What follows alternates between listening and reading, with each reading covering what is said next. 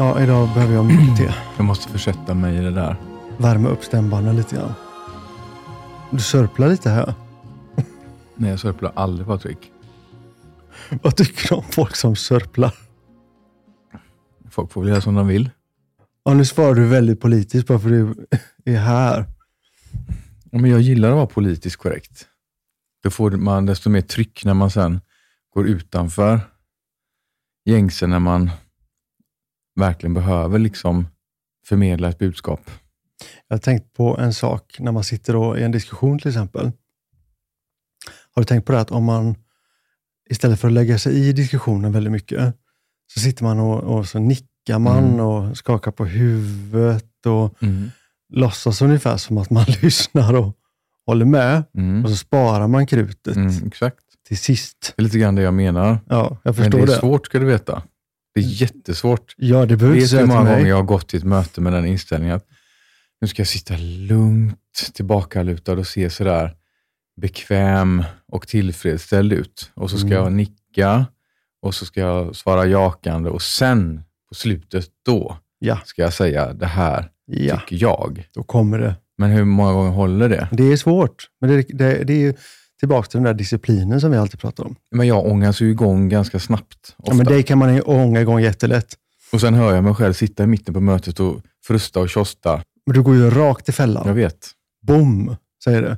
Ett väldigt bra sätt att eh, sätta sig i en, en bra känsla Mm. innan ett sånt möte eller innan en diskussion, det är ju faktiskt att ta en kopp te Mm.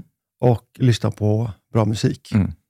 Alltså någon musik man gillar. musik, utan musik som försätter en i ett specifikt tillstånd. För musik kan ju verkligen vara någonting som man kan använda som ett redskap för att försätta sig i tillstånd. En väldigt bra tråd. Jag tycker vi ska spinna vidare på den. Men teet, Ja, te. Vad dricker vi för teet- te idag? ja, men det är ju faktiskt vårt egna te. Det är ju våran eh, specialblandning, Lamberts Afsing-blandning, som man hittar på NK Te och Kaffe i Göteborg. Man kan nog beställa det på nätet också. Det är en blandning av tropiska frukter som är toppat med lite bergamott. Så det gör så att det blir eh, fruktigt, men också med en liten syra. Och jag tycker det blir ett väldigt härligt balanserat ja, men, så här drickte som man kan liksom dricka nästan Gott. till frukost, till lunch, till middag, när som. Jag älskar ju te med tropiska frukter överhuvudtaget. Det finns inget som slår det. Alltså lite persika, lite mango, kanske lite körsbär i eller något sånt där. Det är ju favvo. Och därför gjorde vi just den här blandningen. Som är, körsbär en tropisk frukt? nej, men alltså man får in det här lite söta Mm. på något sätt. Men en bra teblandning är ju som ett bra stycke musik.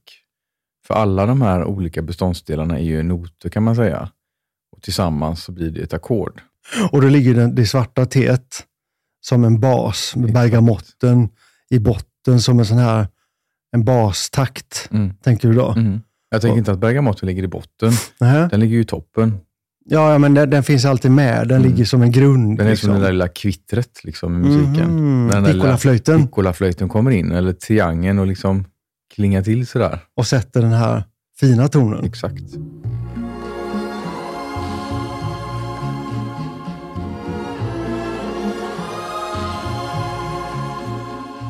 Men du eh, har ju väldigt mycket historik i eh, musiken. Det där Att lät nu blir du så här. du är ju gammal organist. Nej, verkligen inte. Åh, vad jag önskar att jag kunde spela piano och orgel. Tänk, vet du. Det är bara att börja. Om jag har försökt och det är så svårt. Ja, det är det med... Jag får inte till det. Men jag tänkte på det när vi gick på Kungsgatan här i Göteborg häromdagen bara. Och de har fått upp all, all julbelysning på alla, alla gator nu och runt eh, domkyrkan var det lite extra mycket. Mm. Så hörde man lite musik där inifrån. Och du blev helt tyst. Mm. Och du drogs nästan däråt. Nej, men alltså, precis som skönheten har varit en viktig del och en ledstjärna i mitt liv, så har ju faktiskt musiken också alltid varit det, även om den kanske glöms bort lite. Men jag började ju sjunga i Göteborgs domkyrkas gosskör när jag var sex år. och sjöng där ända tills jag var kanske 15 år. Det är länge.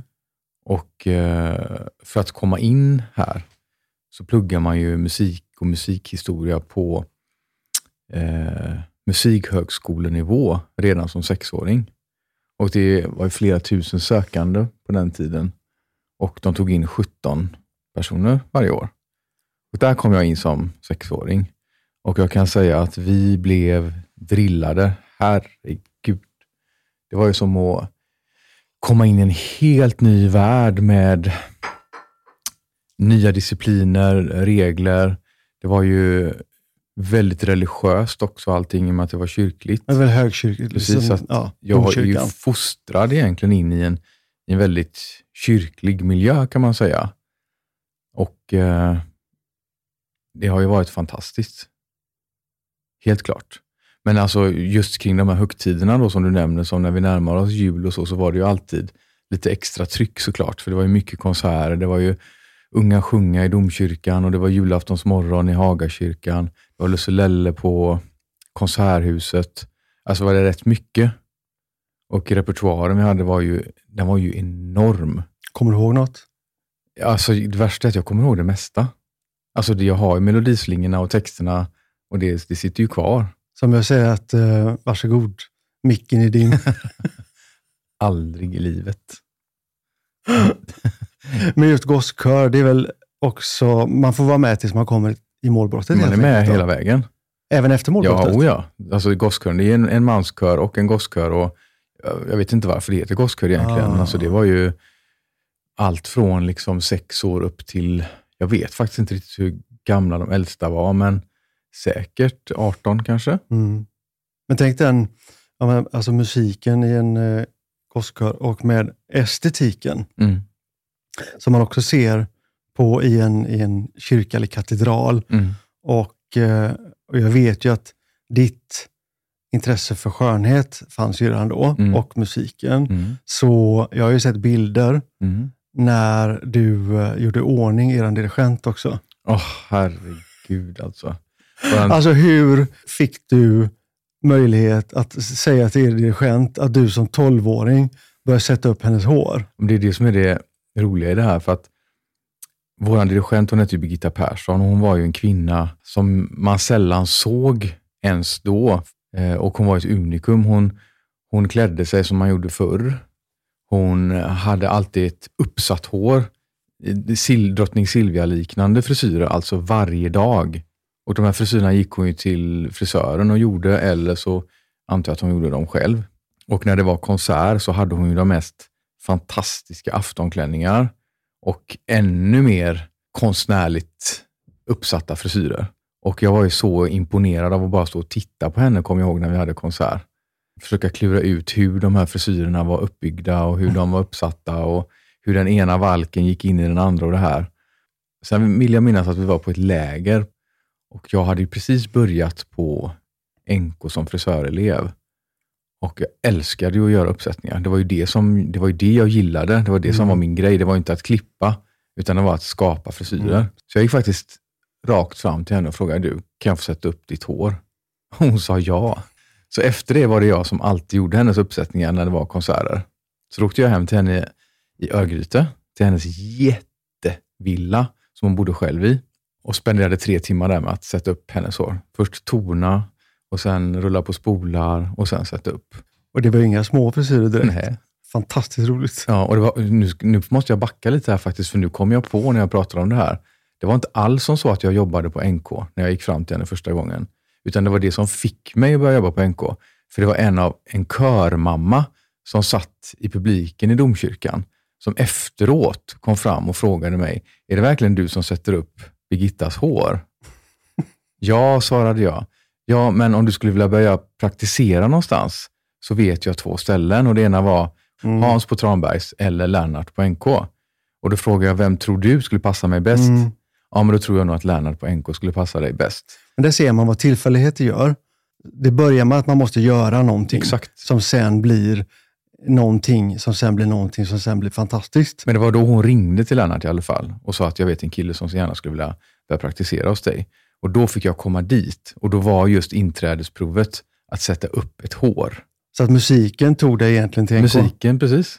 Så återigen, kopplingen mellan musik och skönheten, den finns ju där hela tiden. Ja, men jag tror att det är, det är precis som, som vi alltid vet och alltid pratar om, Mm. att musiken och estetiken, alltså utseendet, det hänger ihop. Men det var ju samma sak när jag skulle söka till gymnasie efter grundskolan. Mm. Eh, De enda utbildningarna jag sökte till det var estetisk linje och frisörskolan. Mm. Och det roliga är att jag kom inte in på någon av dem för jag hade för dåliga betyg. Mm. Och då kan du tänka dig att jag har ju också tävlingsdansat från det att jag var 12 år tills jag var 18 år när jag slutade. Just det. Och trots att jag hade tävlingsdansat och var Sverigemästare och nordisk mästare, trots att jag hade sjungit i en av världens mest berömda körer, kom jag ändå inte in på estetisk linje i men det Angered. förklarar ju också lite grann hur konstigt systemet, Systemet kan var, vara precis. ibland. Jag vet inte hur det ser ut idag, men arbetsprov för just musik och estetik är ju, Ja, men det tycker borde ju jag, vara liksom överst i hierarkin, tänker Överst, jag ja. egentligen. ja, Vad har det med vad man har för betyg i matte att göra? ja. Men jag tror eh, att eh, har man mycket musik i kroppen så har man också väldigt mycket formkänsla i kroppen. Mm. Det är typ samma vågor som går igenom kroppen Ja, men tänk med dans. musiken. Där jobbar du med ett, ett, att uttrycka en form med din kropp Ja, kopplat till musik precis. och rytmer. Ja. Jag älskar ju klassisk musik och det är också att man älskar eh, ballett Mm. till exempel. Och att se när det, när det blir ett, Mm. någonting som blir nästan övernaturligt. Mm. Jag, jag, jag tappar ju tid och rum. Men du har väl också en musikalisk uppväxt? I vår familj, där jag växte upp, så fanns det ju inget annat än, än musik. Nej. Det var faktiskt bara min mamma. Hon öppnade inte ens munnen. Jag bad henne sjunga en gång och sen gjorde jag aldrig det mer. Jag kommer ihåg när vi hade firade högtid med din familj, så stod ju alltid jag och din mamma bredvid varandra och mimade. och så tittade vi på varandra och log sådär. För musik, men musik har alltid varit jättemycket i, i centrum. Och, eh, Men vad var det för musik? Allt möjligt. Verkligen så allätarfamilj så med, med i musiken. Men vi har också en religiös bakgrund, så det var väldigt kyrkligt allting. Alltså väldigt mycket kom alltså med, med musik så har det sina rötter väldigt mycket i, antingen så är det jazz och den biten, och då kommer man från det, eller från den kyrkliga biten. Mm. Och eh, eh, min, min pappa som sjunger väldigt mycket, han spelar piano och spelar fiol och gitarr. Och, eh, så för oss var det bara en självklarhet att, men det är klart att man ska börja spela någonting. Mm. Så jag började spela blockflöjt och sen så fick man då prova sig runt. Vad ska man fortsätta med efter blockflöjten? Mm. För det var samma på vår skola, så spelade alla. Mm. Men jag provade i alla fall piano, jag provade fiol, jag provade gitarr, jag provade eh, någonting som jag absolut ville spela var cello. Men jag fick inte till det där. Och sen så provade jag trumpet, eh, fortsatte lite med det. Men sen fastnade jag faktiskt för valthorn. Av alla Av instrument. alla instrument. Jag visste inte ens att det fanns något som hette valthorn. Tråkigaste, men det kan också vara det absolut vackraste som finns. Alltså jag tyckte det då i alla fall. Och sen var det bara att, att börja. Och det var ju verkligen så här, jag spelade ju varje dag. Alltså varje Har du kvar ditt valthorn? dag. Jag sålde det faktiskt förra året. Alltså. Men det kommer inte ihåg det. Nej. Jag tog ner det från vinden och eh, tänkte, nej, alltså ska jag ha kvar det här? Eller, det är ju jättefint. Men vem nej, sålde du det till? någon måste få, få ta det här vidare så att någon använder det. Nej, men jag, jag lämnade till Bukowskis. Jaha, Har du glömt det? Det har jag glömt. Du är så glömsk. Ja, jag vet. Men i alla fall, eh, så jag spelade ju alltså, jättemycket. Och det är ju lite grann, ska man bli bra i musik så är det precis som med idrott och allting. Det gäller att öva och öva och öva. Och sen eh, så tänkte jag efter ett tag att i och med att jag har så bra magstöd och eh, jag vet att jag hade en ganska bra röst, så kände jag att nej, men jag vill nog sjunga mer också. Så då började jag faktiskt på Göteborgs eh, musikhögskolas, deras elever. Mm. De fick ta egna elever för att, att träna där. Då. Så att då började jag och min syster och sjunga med dem. Och sen kände jag faktiskt en period, men alltså operasångare hade nog varit väldigt, väldigt kul.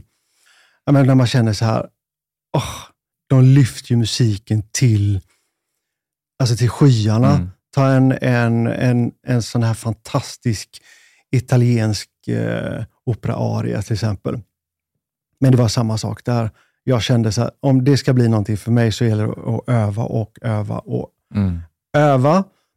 Nej, det var inte min grej. Men, det är Alltså oftast där, skönheten tog över där istället. men det är oftast där det spricker. Har du tänkt på det? Ja, Att man, man kan ha en, ett, ett frö till en talang, men det gäller ju att man, liksom, att man verkligen odlar den sen. Om man har upptäckt den talangen hos sig själv, mm. så innebär den ett enormt ansvar. eller hur? Och det var precis så jag också kände med, med tävlingsdansen. Där jag, jag var ju rätt duktig om man får säga det själv. Ja.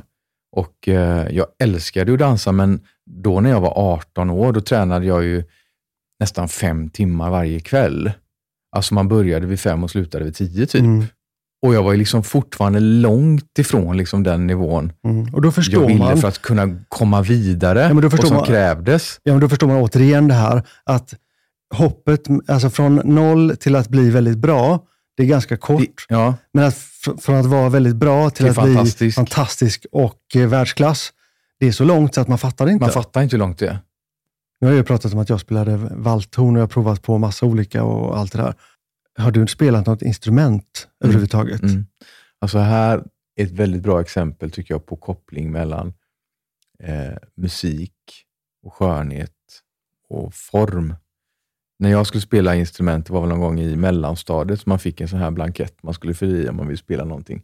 Då valde jag instrument enbart utifrån vilket instrument jag tyckte var vackrast. Såklart. såklart. Och det var ju fiol. Och eh, jag hatade verkligen att spela på den här fiolen. Och jag fick aldrig till det och det lät gräsligt. Men jag kunde sitta och klappa på den här fiolen. Jag kunde ta fram den, bara lägga den mot min axel för jag tyckte att men den var så vansinnigt vacker. Men någon violinist blev det aldrig av mig, kan jag säga.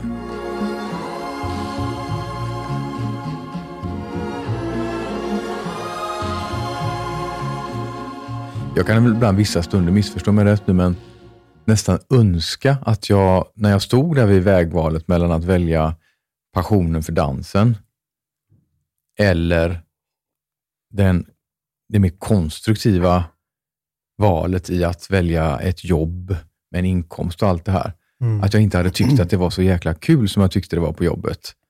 För hade jag inte tyckt det så kanske jag ändå hade valt dansen. Och jag saknar ju dansen så mycket. Du dansar ju varje vecka nu. Jo, jag dansar en gång i veckan, men det är inte samma sak. Nej, jag fattar det.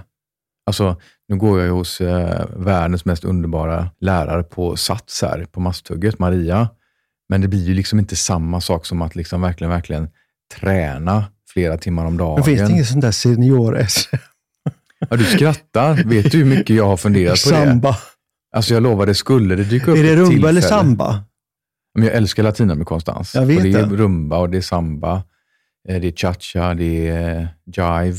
Alltså alla de ingår ju i den latinamerikanska. Paso doble. Kommer du ihåg, nu när vi pratar om det här, i och med att du kommer från, från, från den världen från början Mm. och sen för många år sedan så åkte vi ju alltid på, på sommarsemester och var i Spanien typ så här fem, sex veckor på Ja. sommaren. Då var det ju väldigt mycket men, folk som dansade, alltså som verkligen professionellt dansade latinamerikansk dans här från Sverige som var med där. Ja, men det var ju för att det var en, ett par bekanta till min familj som också var en dansfamilj. Just det. De började också åka dit. Ja, Och sonen i den familjen, han är ju, äger ju idag Sinclairs dansskolor som finns över hela Sverige. just det. Och eh, dottern i familjen var ju min sista danspartner, Ja. Sissi. Just det. Sen tog ju han, min eh, killkompis där, dansaren, han tog ju med sig sin flickvän. Och hon var ju Lotta Sinclair Ja, som var Ja. en av Let's Dance, de professionella dansarna. Alltså i Spanien är det speciellt, för då ligger de här stora nattklubbarna, typ i Barcelona och på Ibiza, så ligger de ju, de ligger ju verkligen på landet. Ja, på, typ på en stor, stor, stor åker så ligger det världens största klubb. Mm.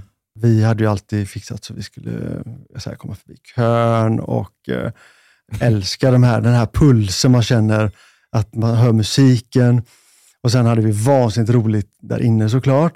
Och sen alltid så här vid tre, fyra på morgonen när man var verkligen på, på topp så pratade någon, och det var ju typ 2-3 tusen pers Mm. som dansade. Mm. Alltså så här riktig dans Men som det bara kan vara utomlands. som det bara kan vara utomlands. Ja. Och då får de, Ted och Lotta, var det oftast då, de fick en strålkastare på sig. Och så körde de hela sin sån här tiodansrepertoar. Det var fantastiskt. Jag får gåshud nu när jag tänker på det. Alltså jag får gåshud på benen Ja, jag till och med. med nu. Det bara rusar av hela kroppen på mig. För att se dans på det sättet, Oh. med musik som tar tag i hela själen. Det vänder upp och ner på, på allt. Du blir fri. Mm. Allt det som vi alltid pratar om, den här känslan av att vara fri, att inget annat betyder någonting. Det är nästan som en drog. Mm. Alltså jag älskar att få gåshud. Jag med. Det är alltså typ som att nysa och det där andra som vi inte nämner i den här podden. Men det finns ju några saker som är, ger ett fantastiskt välbehag i hela kroppen. Jag kan ibland försöka hitta musik som ska trigga igång så att jag får gåshud. För det är en sån underbar känsla. Och framförallt den där, du vet, när det inte bara sätter sig på armarna eller underarmarna, utan när det liksom går som vallningar. Det börjar ut i fingertopparna Mm. och så går det upp till axlarna, upp i nacken och sen går det ner i kroppen och ner i fötterna. Och de bästa är ju de som går liksom fram och tillbaks så, ett par, två, tre gånger. Ja, men när man känner på vaderna, Åh, att det bör, och då, då är det ju riktigt bra. ja, men det är underbart och Ja. nästan så att tårarna kommer. Ja, men du får bara gåshud hoppas jag. Vet du vad gåshud beror på egentligen? Nej. Jag, Eller beror, jag kan ju gissa, men jag vet inte. Den. Ja, men gissa en gång så ska vi se om du. För jag, jag vet Ja, men nämligen. jag gissar då att det, det är någonting som triggar igång några eh, signaler som går upp i hjärnan som i sin tur ger kroppen en form av fysisk reaktion. Mm. Nu är inte jag läkare, eller med, med, så jag kan säga exakt så. så någon kommer säkert säga att, att det finns en ännu djupare förklaring. Men det finns, alltså runt varje hårsäck så, ligger, så finns det små, små muskler. Och hår, hårstrået ligger ju ganska platt ut från, från en hårsäck. Mm. Men när man får en sån här autonom känsla i kroppen, så tar det muskel, eh, den signal som går från hjärnan, skickar direkt till den lilla muskeln och då dras den muskeln ihop sig så att hårstrået verkligen ställer sig rakt ut från huden. Och det måste till någonting ganska starkt som oro, rädsla och faktiskt musik. Men det är inte alla som får det av musik. Har du någon sån här, när vi ändå pratar om gåshud, några upplevelser som du kommer ihåg som har varit nästintill utomkroppsliga? Liksom? Jag har ganska många sådana tillfällen faktiskt. För jag, jag, alltså jag går igång på musik så mycket. Och varje gång som om, om vi ska göra en, eh, en, en visning till exempel Mm. och man tänker att jag måste få inspiration till den här visningen eller den här fotograferingen, så startar det ofta Mm. med musik. Mm. Det kan vara en, en låt. Jag kommer ihåg när vi gjorde en jättestor visning på eh, Blå hallen i Stockholm. Mm. Och eh, Jag fick fria händer av det företag som jag jobbade för. Och De sa, eh, men vi vill bara bli jätteinspirerade och få en härlig känsla i kroppen. Så gör vad du vill. Och Då hade vi precis sett filmen Parfymen. Och Då tänkte jag, vi gör en, en eh, egen variant av det här. Så jag pratade med Linda Pritchard och så drog vi fram orgen som finns på, eh, i Blå hallen. Mm. Och sen så gjorde ju Linda hela det här sångnumret från parfymen nerför trappan och sen stylade jag hennes hår och så hade vi massa modeller. Mm. Då stod jag på scenen och fick gåshud. Mm. Hela den musikaliska upplevelsen och att man får då det visuella ihop med musiken. Jag glömmer det aldrig. Jag glömmer det aldrig heller. det var så vackert. jag kan få gå Så så när jag vackert, frammanar vackert. minnet nästan. Det var mitt i prick. Men just också det när man, är, när man blir omsluten av musiken. För där Ja. sitter ju, om jag har förstått det rätt, så sitter ju orgelpiporna i stadshuset i väggarna på något sätt. Så att upplevelsen blir de här, de här väldigt, väldigt riktigt djupa basnoterna som är på frekvenser som man mer känner i kroppen nästan än hör. Mm. Att det liksom går upp genom fötterna upp och fortplantar sig in i kroppen. Det är helt fantastiskt när den egna kroppen nästan blir som en resonanslåda. Ja. Har du någon sån upplevelse? Med att musiken har varit en sån viktig del av ens liv, så har jag ju så, också så vansinnigt många. Men eh, det finns ju vissa kanske som man tänker mer på. Det är ju väl kronprinsessan Victorias bröllop i Storkyrkan. Eh, när jag var där och stylade Agnes, när hon skulle sjunga en duett tillsammans med Björn Skifs. Jag kommer ihåg att luften inne i Storkyrkan var ju nästan så att man kunde skära med kniv genom den. Och eh, när hon och Björn Skifs stod där och jag satt bakom och sjöng, framförde då den här duetten till kronprinsessan Victoria, som Daniel faktiskt hade beställt av dem Mm. som en överraskning. Mm. Det var också ett sånt där ögonblick, jag kommer aldrig, aldrig, aldrig glömma det. Och det jag kanske som gjorde starkast intryck på mig, det var att direkt efter så sjöng, heter de Stockholms kammarkör eller något sånt där? De sjöng en låt som, eh, eh, som heter Vilar glad i din famn. Alltså jag höll på att blåsa huvudet av mig. Alltså. Jag satt ju så nära och när de klämde i och sjöng, alltså jag, det var bland det vackraste jag någonsin hade hört. Men ibland kan det vara så vackert så att man börjar gråta nästan. Jag Ja. vet. Ja, tårarna kommer, men det är ju det här känslosvallet som gör att, att man, man får eh, en stark upplevelse. jag kan nästan börja hulka ibland. Och det börjar också liksom någonstans inifrån kroppen. Och så, det bara måste ut. Liksom. Och Det är oftast Mm. i och för sig kopplat till när musik och film hänger ihop. Jag tänker på ett annat tillfälle också. Jag var ensam i, eh, i Paris en gång. Så såg jag en, eh, en liten affisch på stan där det stod eh, Farinelli in concert. Mm. Och Det är en, en gammal, gammal, gammal film om en countertenor som vi älskar, som eh, heter just Farinelli. Och jag tänkte så här, jag går dit. Och då, när jag kommer dit så var det alltså i um, latinkvarteren, en av Paris äldsta kyrkor. Mm. Så det var bara fullt med levande ljus. Och så betalar man till en liten farbror som satt i kassan i kyrkdörren. Och så går man in och det fanns inga kyrkbänkar, det var bara stolar utsatta och bara fullt med levande ljus. Ut kommer en man och sjunger hela, hela alla låtar från Farinelli-filmen. Och så i den här kyrkan och med de här levande ljusen.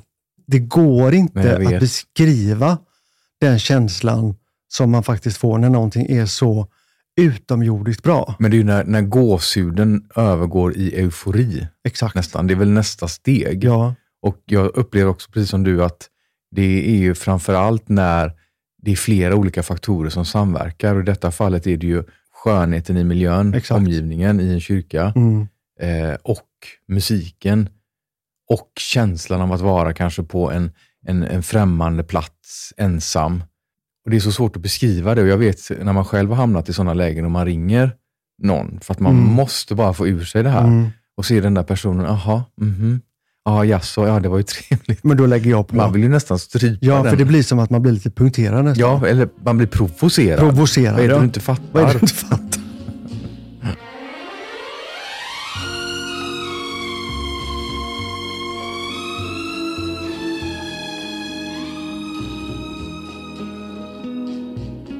Men tänk att det här fortfarande liksom känns att det är lite flummigt. Men det är inte flummigt det är inte någonstans. flummigt. Jag tänker på det redan i, under antikens Grekland så förstod man ju att musiken påverkar själens Mm. tillstånd. Eh, Man förstod också att musik kan påverka ett, ett samhälle i sin helhet och att eh, genom att rucka på musikens lagar så kan det gå ut över hela samhällsordningen. Det är samma sak där med att musik, vare sig man gillar den eller inte, Mm. vare sig man attraheras av den eller inte, så den betyder ju alltid någonting. Den eh, kommer alltid att påverka lyssnaren, antingen positivt eller negativt. Mm. Och det är mycket av den här kunskapen man också jobbar med inom till exempel inom handel. Jag vet ju, om man går till ett, eh, ett eh, hotell, Mm. som vi ofta pratar om, och är det då hotell som man tycker väldigt mycket om, så kan det vara för att det är ljudsatt, Mm. tonsatt på ett väldigt bra Precis. sätt. Gå in på ett ställe, eller en hotell, eller restaurang, eller butik, och de spelar fel musik. Jag går ut. Men tänk så också, vissa miljöer jobbar ju för att skapa en, en behaglig eh, musikalisk atmosfär. Mm. Men vissa miljöer man vistas i jobbar man med musiken som ett verktyg för att försöka få oss konsumenter att agera på ett särskilt sätt. Exakt. Man har gjort studier till exempel på i en vinkällare där man sålde vin. Ja. Så när man hade, spelade klassisk musik Mm. så hade kunderna en tendens att köpa dyrare viner. Mm. När man spelade typ hitlistemusik så köpte man lika många vinflaskor som de som lyssnade på klassisk musik. Men de var mycket billigare. Mm. Intressant. Och av det kan man ju dra massa slutsatser. Ja. Och det är samma sak om du tänker dig om du går på en snabbmatsrestaurang. Mm. Så är det oftast väldigt, eh, är snabb musik, alltså musik Mm. med ett högt tempo. Mm. För att vi, pulsen går upp, vi blir Vi stressade. få, få ut folk. Vad gör vi när vi blir stressade? Mm. Ja, då snabbar vi oss Mm. för att ge plats åt nya gäster. Men det där med ljudsättning är väldigt speciellt. Om du skulle ljudsätta eller tonsätta ditt liv, vad skulle du ha för soundtrack då? Jag tycker det är lite jobbigt när man gillar väldigt mycket. Mm. För jag älskar ju klassisk musik Mm. samtidigt som jag älskar house. Och jag kan gilla väldigt tung techno till exempel. Mm. Och jag älskar opera, klassisk. Så det blir kanske någon mix av det där på något sätt. Det finns en, en, en man som heter Philip Glass Mm. som är pianist, kompositör och han gör mycket filmmusik. Hans musik är helt fantastisk.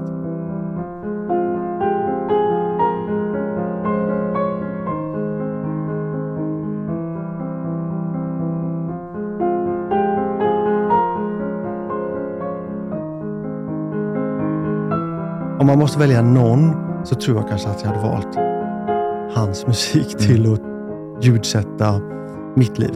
Det är så jag vill ha min puls. Grundpulsen är ganska låg. Mm. Inte, inte för mycket flås och flämt och stress. Nej, men jag älskar ju, det vet ju du, jag älskar ju att hitta in i, i, i starka känslor. Mm. Och visst, starka känslor kan ju såklart vara glädje och eufori. Ja. Men för mig är ofta starka känslor förknippat mycket med nostalgi och någon slags bitterljuv sorg eller tanken på saker som är förlorade, förlorade möjligheter och så vidare. Mm. Det går jag igång på. Samtidigt som jag skulle inte vilja vistas i det mentala tillståndet hela tiden. Typ som när jag går och tränar till exempel, så jag är Mm. den första att liksom, men hallå, vad har vi för musik? Ja. Kom igen nu, Mm. sätt på någonting så vi får liksom upp pulsen lite. Mm.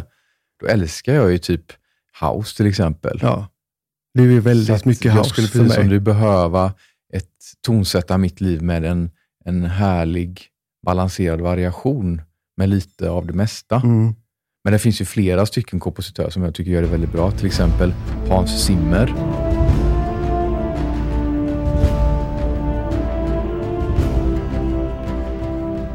Alltså det är väl ett perfekt exempel på hur musiken kan gå från att vara så vacker så att eh, inget öga är torrt liksom, till att vara nästan krigsmusik.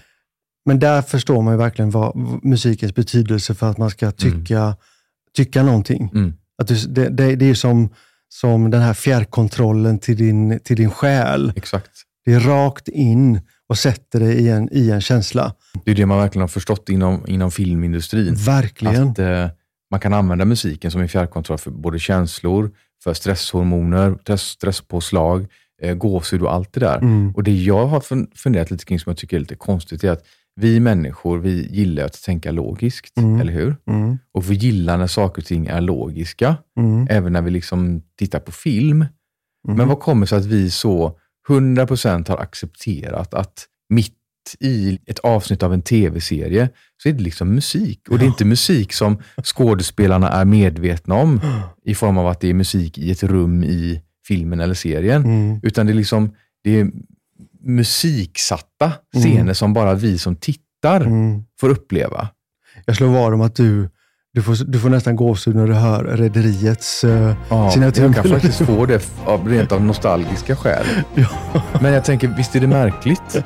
Eller den här Love Boat, Åh, 70-tal. 70-tal. Ja, tidigt 80 Stråkar.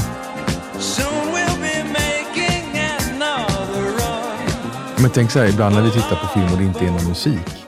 Har vi sett någon film utan musik? Ja, det har vi gjort. Och även tv-serier. Och jag, Det är man, läskigt. man reflekterar mer då över att det känns konstigt. Det känns tomt. Vilket egentligen borde vara det, borde vara det normala. Ja, Men det blir så otroligt kompakt. ja. Framförallt när man kollar på något som är lite läskigt och man inte får den här förvarningen som oftast eh, musiken är till för i en thriller. Exakt. Att, eh, eller en skräck, skräckis. Att på något sätt vara förebådande Mm. för vad som komma skall.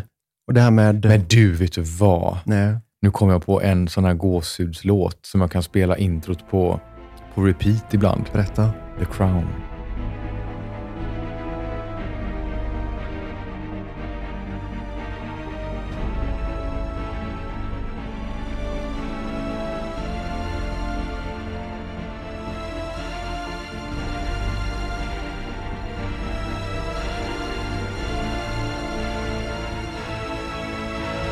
Men alltså när de den här vignetten när de bygger den här guldkronan. Mm, Och alltså, det är också Hans Zimmer. mm. Vi älskar att sitta och titta på YouTube på både eh, mode, skönhet och musik. Och så växlar vi det väldigt mycket och letar och letar och letar. Det är ju som en skattkista. Och man lyfter på någonting och så lyfter man på något och så Mm. hittar man någonting där under. Som en rysk docka. Som en rysk docka. Det bara finns hur mycket som helst. Och det är ju vår tids lycka, tror jag. Både med Google och med YouTube. Att vi har de skattkistorna att kunna hitta saker i. Och en kväll så fick vi upp en argentinsk tango. Minns du det? Mm. När den, eh, den dirigenten, jag kommer, vad är den heter den låten? Alltså jag kommer aldrig glömma det. Det var faktiskt ett av de få tillfällena där du har hittat någonting som du har visat mig. Det var när den holländska kronprinsen var det va? Just det. skulle gifta sig. Och hans frus pappa var väl från Argentina, var det inte så? Mm. Men han fick inte lov att vara med på bröllopet av någon politisk anledning som jag inte minns. Men då ville man ändå få ett inslag och då finns det en, en stor kompositör som heter Astor Piazzolla som har gjort ett verk som heter Adios Nonino. Och eh, den börjar ju, det är väldigt mycket argentinska tango-influenser och den börjar ju med dragspel då Mm. såklart. Dragspel kan ju vara sådär, men Ja. i argentinsk tango så är dragspel wow. Men ihop med då denna symfoniorkester, det är ju helt fantastiskt. Men det finns ju ett särskilt klipp som inte är från det här bröllopet, som också i och för sig är helt fantastiskt, när man Mm. får se dem på nära håll och Mm. ser hur hon reagerar på det här liksom med sin kropp och man ser hur hon börjar andas snabbare och man ser hur bröstet höjer sig och man Mm. ser hon börjar ju gråta, hur hon tar kronprinsens hand. Alltså det är så otroligt fint. Men det är så filmat med också. hon blev bara vackrare och och vackrare, vackrare och vackrare och vackrare. på grund av Och musiken. man känner så med henne och Mm. man ser hur berörd hon blir. Jag menar, vi pratar om eh, musikaliska upplevelser så tänker jag faktiskt på en som vi har haft tillsammans. Som både var gåshud men också väldigt kul. Och det var när vi jobbade med Charlotte Perrelli och Lena Philipsson. När det var de, väldigt eh, roligt. Du. gjorde dels Flickorna från Småland men också en, en ny version av Donna Summers Enough is enough. Där Kalle. Norlén hade skrivit texten. Just det. Alltså det var ju också helt fantastiskt när vi gjorde de här enorma jättehåren. Mm. Marina Caracrido precis hade stylat kläderna. gjort kläderna. och det blev så omskrivet också. Tittar man på det klippet eh, nu Mm. så kan man tro att det är, ja men de är ju, de har aldrig varit snyggare nästan. Nej. Apropå det, gillar du schlager? Alltså jag ljuger om jag säger nej och jag ljuger om jag säger ja. Det beror väldigt mycket på. Menar, alltså, schlager idag är ju inte bara schlagermusik. Nej, det är inte det. det- Alltså, det kan ju vara allt ja, men jag från tänker så här, liksom, det som vi i Sverige kallar för, för slager. Gå till en slagerbar en kväll mm. och stå och gapa i en bar, är inte min grej. Nej, men gå till en schlagerbar så spelar de musik som har spelats på Melodifestivalen. Ja, Och det kan ju vara allt från liksom klassisk schlagermusik Mm. till house till vad som helst. ja, nej, men, ja men då får jag, måste jag säga att jag gillar det. Själv då? Men jag, gillar du det? jo, men jag gillar slager som koncept. Jag gillar hur man tänker när man, när man skriver en bra schlagerlåt med hur den är uppbyggd. ja, Med, liksom, med verser och refränger och med tonartshöjning och med bryggan. tekniskt. Och Mm, allt det här är tekniskt. Ja. För att om man lyckas bra med det där mm, så får man ju genom det uppleva ganska många olika känslor. ja, Och eh, en riktigt, riktigt bra kan ju nästan närma sig lite av en euforisk känsla. jo, absolut. Alltså kroppen älskar ju tonartshöjningar, så är det ju. Men alltså, hör man viss fransk slager Mm. eller Gammal holländsk, schlager. gammal, alltså, det är klart, då måste man bara säga att ja, men det är klart, det är klart jag gillar det. Mm.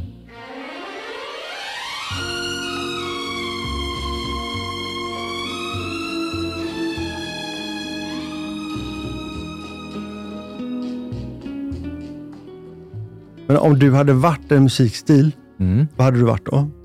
Det är så svårt när man måste välja en musikstil. Jag tror jag vet vad du hade När varit. man gillar så många. Jag tror det är bättre att du väljer åt mig. Ja, jag skulle precis säga, jag tror att det är lättare. Ska du välja åt mig först eller ska jag välja åt dig Men det är först? svårt att välja åt dig också. Men om jag var tvungen att välja så skulle jag nog välja klassisk musik på dig. Ja, och jag hade nog valt argentinsk tango på dig. Nej.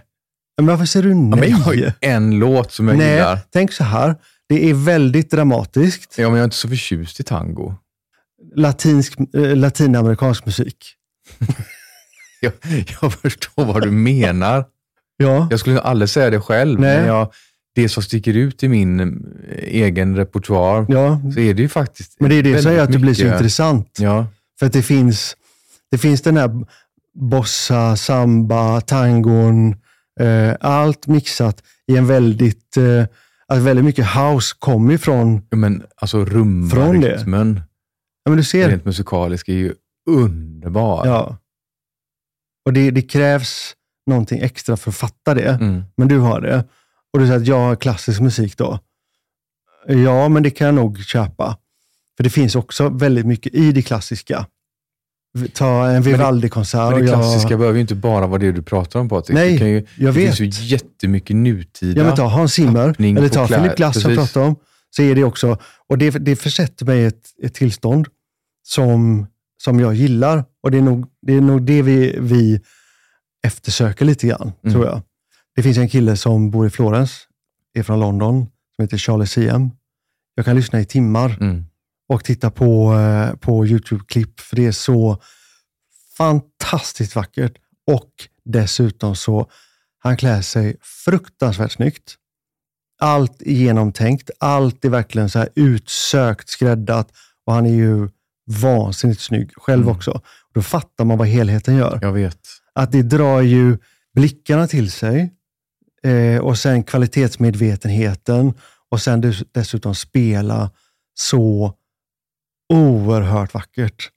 Men ju fler saker som kan samverka, Ja, desto starkare tycker jag att oftast att upplevelsen blir. ja det är klart. När vi pratar om detta så tänker jag även på de här two cellos, heter de va? Ja, Alltså när de spelar, det är bara att titta på dem är en upplevelse i sig. Även om man skulle muta ljudet så att man inte hörde något, så är det fortfarande en upplevelse. För att de, de lyckas ju förmedla genom sina rörelser det de känner i kroppen på ett så Mm. fantastiskt sätt.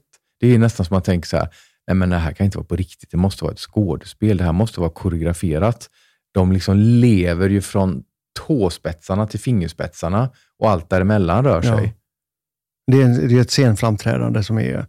Ja, men de har verkligen förstått Helt- att ta det till en annan nivå. Ja, men de är ju så vansinnigt duktiga också. Ja, helt otroligt duktiga. Jag tycker de är ett väldigt bra exempel på hur man tar eh, klassisk musik, men eh, gör den nutida på något sätt. Mm. Det som vi pratar om här nu och har pratat om och kan fortsätta prata om hur länge som helst, det är ju betydelsen av musik för hur vi faktiskt känner oss Mm. och hur vi känner oss påverkar hur vi ser ut. Mm. Alltså hur vi bemöter våra medmänniskor, hur vi, hur vi tänker om oss själva. Det blir ju en, en mjukare vardag och ett, eh, ett vackrare liv. Mm.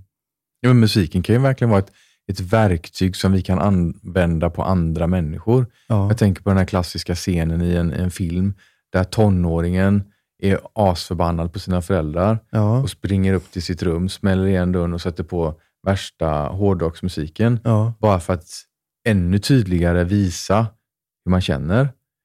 Eller hur man, som i, i, i vardagslivet hemma, när du ibland känner att "Ja, men nu, vill jag, nu vill jag att Mattias ska bli på riktigt gott humör. Hur Mm. du sätter på musik som du vet att jag gillar och jag med en gång förstår vart det är du vill komma. Mm. Men det funkar. Ja, Det funkar jättebra. ja visst är det det. Ja, och det är, det är det som är hemligheten med musik. Att du kan inte värja dig mot den. Nej. Den går Absolut. förbi vad du tycker och tänker Mm. och rätt in i din själ. Mm. Varför är det här med musik på jobbet helt plötsligt så laddat? För om du tänker dig liksom, om du, är, om du har en restaurang, säger vi, eller du har en, eh, ett, ett hotell och då har du en idé kring konceptet för din restaurang eller ditt hotell. Mm. Och den förmedlar du då i allting från hur maten smakar, hur miljöerna ser ut, men också hur du har ljudsatt, vilken ljudmatta du lägger till den här upplevelsen. Ja, det är klart. Och det tycker ju folk på något sätt som går dit och besöker, de köper ju in sig på det. Ja, det är därför man väljer ett sånt. Men om man då tar en arbetsplats till exempel, där man som vi har, vi har ju ett varumärke. Mm. Vi säljer ju inte bara olika varor från olika varumärken, utan Nej. vi säljer ju eh, vår idé, vår filosofi En kultur. översatt, en kultur Mm. översatt i en produkt. Mm. Men där funkar det inte riktigt så, har jag märkt. Där kan inte du och jag bestämma hur vi vill smaksätta atmosfären på jobbet, utan där vill ju personerna som jobbar det få smaksätta det efter eget tycke. Det är väldigt svenskt det där. Ja, men jag Vi- förstår alltså, att det jag är är politiskt skolad- känsligt att prata om det, Ja. men jag tycker att det är intressant som fenomen. Ja, alltså jag är ju skolad eh, franskt från eh, mina första företag och då var det ju inte riktigt så, utan då var det ju, det fanns liksom regler att, att följa och jag Ja. kan ju gilla det. Men jag, det blir väldigt mycket enklare. men det är samma för mig. Jag jobbade ju på NK. Det var ju inte som att jag kunde smaksätta musiken där efter mitt tycke, utan det var ju, liksom, det var ju bestämt att den här musiken spelar vi här. Mm. Och jag kan tycka att det är lite skönt att någon annan bestämmer. Ja, det är ju underbart. Och att framförallt också att det, min arbetsplats, att, att, den är, att den är homogen, Mm. att den stämmer hela vägen. Jag kommer ihåg på alla salonger jag har varit, så har alltid varit ett prat om det där med musiken. Mm. Alltid. Mm. Någon dras åt det hållet, någon dras åt det. Så Men musik bestämmer man bara. berör, det är väl det. vad? Ja, Musik så vi berör. gjorde, gjorde alltid listor som var bara, nu är det här en måndagslista, här är en tisdagslista. Och då blir det så enkelt. Det är nog så man får göra. Ja, det är absolut det bästa. Jag har en fråga till dig nu. Ja. Och Det handlar om eh, vad har du valt för veckans ingrediens, eller veckans råvara? Ja, veckans råvara är ju då retinol som jag tror kanske är en av de mest omskrivna av alla råvaror som man använder just inom hudvård. Men det är väl framförallt för att det är en av de få som är där man vetenskapligt har studerat effekten och kommit fram till att det faktiskt har en effekt på huden. Och retinol är ju en form av A-vitamin och den har eh, förmågan att stimulera produktion av kollagen och elastin i huden. Och det i sin tur leder då till att man får en mer spänstig hud. Den blir mjukare och den har också förmågan att minska synligheten av fina linjer och rynkor. Eh, man tror också att det på något sätt kan reducera hudpigmenteringar som är orsakade av solskador, alltså hyperpigmenteringar eller de här bruna fläckarna som man kan få. Det är ju inte alla som, som klarar av retinol heller.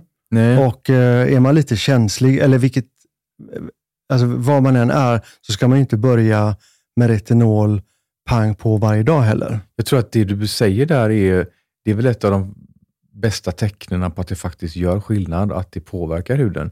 Just för Mm. att man, huden reagerar. Ja, Och har man en, en känsligare hud så då kanske man bara behöver ha det varannan dag eller någon gång i veckan.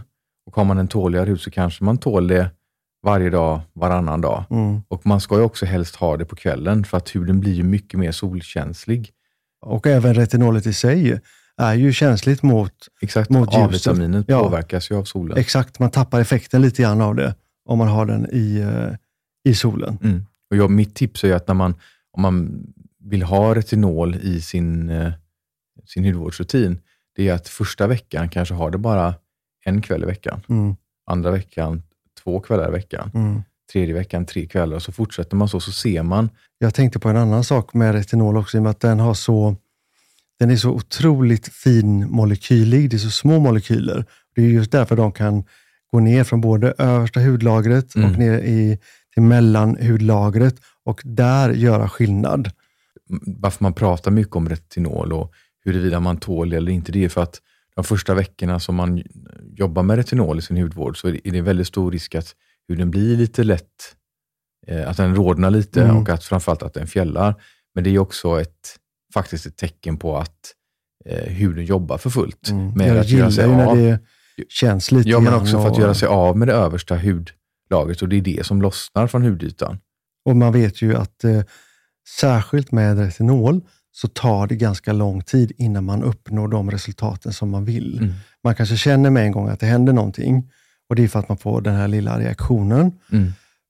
Men själva resultatet, det får man först kanske efter två till tre månader. Mm. Och Jag tänker mig att man kanske börjar med att bygga in retinol i sin rutin någonstans i 35-årsåldern först. För det Mm. känns onödigt och överflödigt att ha det på en, en ung, frisk hud som själv fortfarande jobbar. Det kan lätt bli för mycket. Exakt. Men det är ju vår filosofi överhuvudtaget. Mm. Att håll borta stress. Mm. Håll borta stress från ditt liv. Håll borta stress från ditt arbete.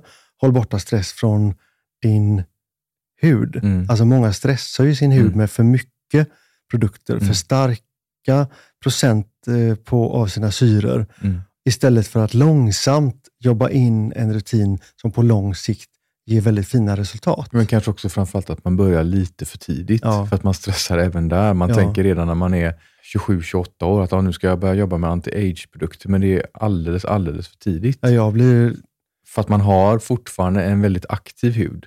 Och den här typen av produkter, tycker jag, det här är min personliga åsikt, men Mm. lämpar sig bättre för när hudens aktivitet börjar avta. ja, Lite kul kuriosa, visste du att man har naturligt A-vitamin i ögat? Ja, jag visste att man hade i kroppen, men inte i ögat. Och att bristen på det kan leda till att bland annat man får sämre nattsyn, men framför allt att eh, man blir blind. Och. A-vitaminbrist i ögat är den största orsaken i hela världen till just blindhet. Det visste jag inte. Nej, inte jag heller. Nej. Jag vet att retinolen är en av de mest kraftfulla antioxidanterna. Mm.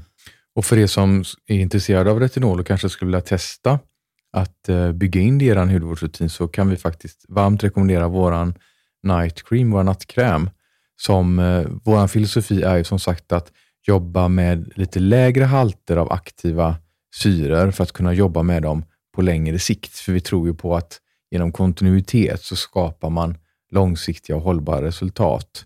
Och eh, är man någonstans ja, tidiga 30-årsåldern kanske och uppåt så är det perfekt läge att eh, börja med en sån. Exakt. Jag använder eh, den frekvent, Dubbelt upp. dubbelt upp. Älskar retinol. Mm. Om eh, ni vill höra mer av eh, oss, eh, mig, Patrik eh, och av Mattias, så fortsätt lyssna på Beauty Distilled och gå gärna in och ratea oss på alla sajter där ni kan sätta höga, höga poäng så att vi får fortsätta podda länge framöver. Vi tycker väldigt mycket om det här. Och titta gärna in på Lernberger Stafsing, Patrik Lernberger eller Mattias Stafsing om ni vill eh, lära känna oss lite mer. Och vi är också jätteöppna för tips på ämnen, samtalsämnen, teman. Eh, kalla det vad ni vill, så skicka bara ett eh, DM till något av våra Instagramkonton så tittar vi på det. Tack så mycket för att ni lyssnade och eh, ha det så bra så hörs vi nästa vecka. Ha det fint. Hej då! Hej då.